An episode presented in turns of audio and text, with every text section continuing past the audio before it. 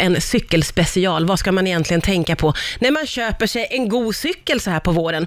Min gäst för dagen heter Lars Strömgren och är ordförande för Cykelfrämjandet. Välkommen hit Lars. Tack så mycket. Vad ska man tänka på då om man nu går i köpetankar?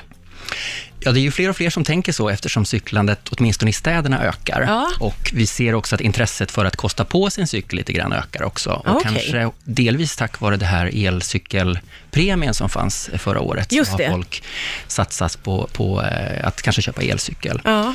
Och det jag tror är viktigt att tänka på när man skaffar en cykel, särskilt så här när det blir vår och varmt och man verkligen blir sugen på att Men cykla. man det- får feeling. Ja, men exakt. Ja. Om man ser många ute som Ja. cyklar, det är ju att tänka hur man ska använda cykeln. För att en bra cykel är en cykel man använder mycket. Mm. Och då behöver man tänka på hur man vill sitta på cykeln, hur långt man har till och från jobb och, och skola eller så vidare.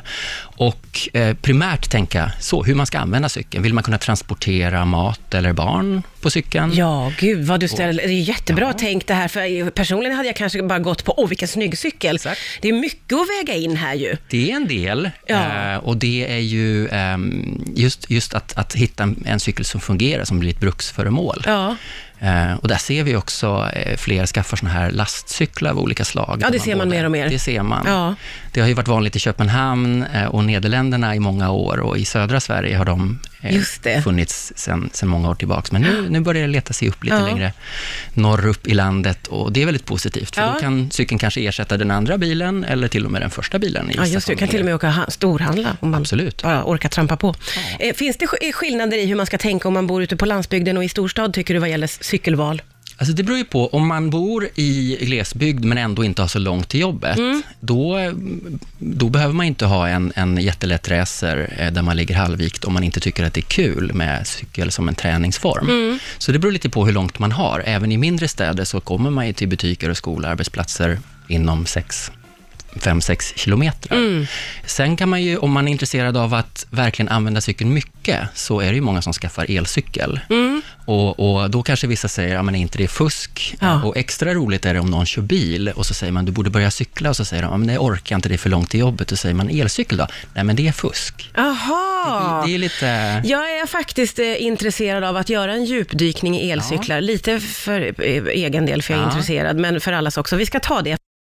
Vad är det? Och varför tror vissa att det är fusk, skulle du säga? Ja, men vissa tror ju att det är fusk för att man tror att man inte får någon motion. Ja. Men det är inte sant, eh, för att den här motorn som en elcykel har, det är bara en assisterande motor, eller det är en elassisterad cykel, så att du måste trampa ändå. Okej. Och motorn ger bara kraft upp till 25 km i timmen och det är bara 250 watt, vilket motsvarar ungefär vad en vältränad cyklist kan åstadkomma. Ja. Så att den hjälper ju, den, och den höjer inte nödvändigtvis maxhastigheten på cykeln, så det är inte som en moped där man kan luta Går sig inte tillbaks. snabbare så? Nej, inte nödvändigtvis. Särskilt inte maxhastigheten. Däremot i uppförsbackar eh, och på raksträckor så Ja. får man ju hjälp av motorn. Ja. Men det man märker är dels att de som skaffar elcyklar cyklar oftare och de eh, tillåter sig själva att cykla längre. Mhm. Så på totalen per individ så kan det till och med vara mer hälsosamt att ha en elcykel än att ha en, en eh, cykel utan el. Ja, okej. Eh, och sen så finns det ju, om man är en cykelentusiast, kanske man har en helgcykel som man tränar på och så har man en, en elcykel för att ta sig snabbt Ja, och ja, effektivt ja. till och från jobbet. Så Då har, då har man de, sig ett cykelstall. Ja, men de, ersätter, de är inte, vad ska jag säga, ersätter inte varandra, utan för en viss typ av resor som traditionellt sett kanske har gjorts med bil eller med, med kollektivtrafik, så Mm. är elcykeln en, en helt ny form, eller en dimension av mobilitet kan man säga. Mm. Den, den skapar ett, ett hälsosamt och ett miljövänligare alternativ än, än att åka bil eller Vad pratar vi om för pengar när det gäller elcykeln? För det fanns ju det här bidraget innan, Mm. eh, och- men nu är det borta. Vad får man punga ut med? Precis, staten subventionerade ju elcyklar förra året och vi var ju väldigt ledsna att det försvann. Ja. Nu hoppas vi istället få till eh, slopad förmånsskatt på förmånscyklar, för vi tror att arbetsgivare eh, kan göra en, en eh, stor nytta i att hjälpa sina anställda att börja Ja, cykla. Ehm, men jag skulle säga, en, en elcykel ehm, börjar väl från någonstans kanske 15 000 och uppåt. Ja. Och det kanske man tycker är mycket. Det är lite mycket. Ja. Det kan man tycka, och det är klart, det är, det är mycket pengar, men om man jämför med vad ett gymkort kostar eller vad en bil kostar, om man räknar in service och allting, så är det helt klart en investering. Mm. Och eh, som sagt, det är många som upptäcker cykelglädjen tack vare elcykeln och Ja. använder den mycket mer än vad man annars har gjort. Ja. att, Det är ju intressant det där med pengar. Jag tänker vi måste få med det också. Får man liksom bättre eh, cykel ju mer man betalar?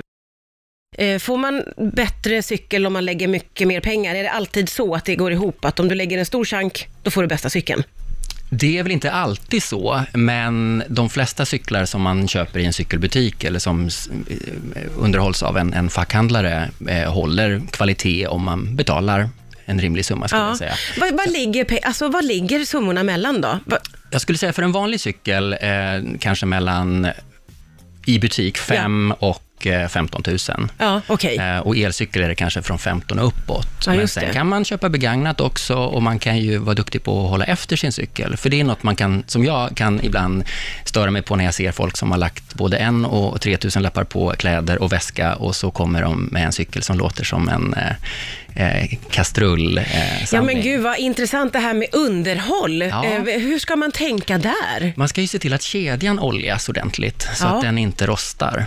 Och sen är det ju väldigt mycket skönare att cykla på en cykel med eh, bra med luft i däcken. Ja, just det. Och sen är det ju eh, i vissa städer runt om i Sverige har, eh, det är väldigt positivt att städer har börjat satsa mer på vinterunderhåll. För att ju fler som kan fortsätta att cykla på vintern, ju mindre trängsel blir det på vägar och i kollektivtrafiken. Så det är någonting som vi tror behövs nu när cyklandet ökar i våra städer åtminstone, att, att kommunerna då eh, växlar upp det eh, i investeringar i bredare cykelvägar, i mer yta till cykelparkering och så vidare. Men det kan det också göra om man då använder salt i den här vintersopsaltning som en teknik. Då kan det ju bli salt på kedjan och det måste man se till att det inte får kedjan att rosta. Okej, så man ska Så dutta att, eh, lite med sin cykel när man väl har införskaffat den? Ja, men det tycker jag. Och då håller den längre och det är roligare att cykla. Så att, och den är ju, en cykel är ju inte bra om man inte använder den. Så att det handlar ju om att, att, att eh, tycka om sin cykel och vårda sin cykel och, och tack vare cykeln komma ut i friska luften och Ja. hålla sig frisk. Ja, det har ju onekligen många fördelar att cykla, det får vi ändå vara överens om. Ja, och ibland är det en utmaning för att ingen, ingen, man har inga politiska motståndare riktigt när man Nej, pratar om just ökad det. cykling. Alla bara nickar och säger det är jättebra och så Ja. bygger vi en motorväg till. Ja, just det. Ja, ja, ja, just det. Så att, ja. eh, det krävs ju, det skulle ju behövas mycket mer pengar än vad som läggs på cykelinfrastruktur idag Mm. för att Sverige ska kunna dels ta emot alla de nya cyklister som kommer, men också öka cyklandet. För det, det har man till och med sagt i det här Mm. Januariöverenskommelsen. Ja, som regeringen Ja. Mm. tog fram, att, att man vill att cyklandet ska öka. Eh, Och då behöver man ju eh, visa det också Ja, politisk, precis. praktisk handling. Du, nu har vi ju fått eh, väldigt mycket bra tips här om hur vi ska tänka. Tusen, tusen tack Lars Strömgren för att du kom till Rix FM idag.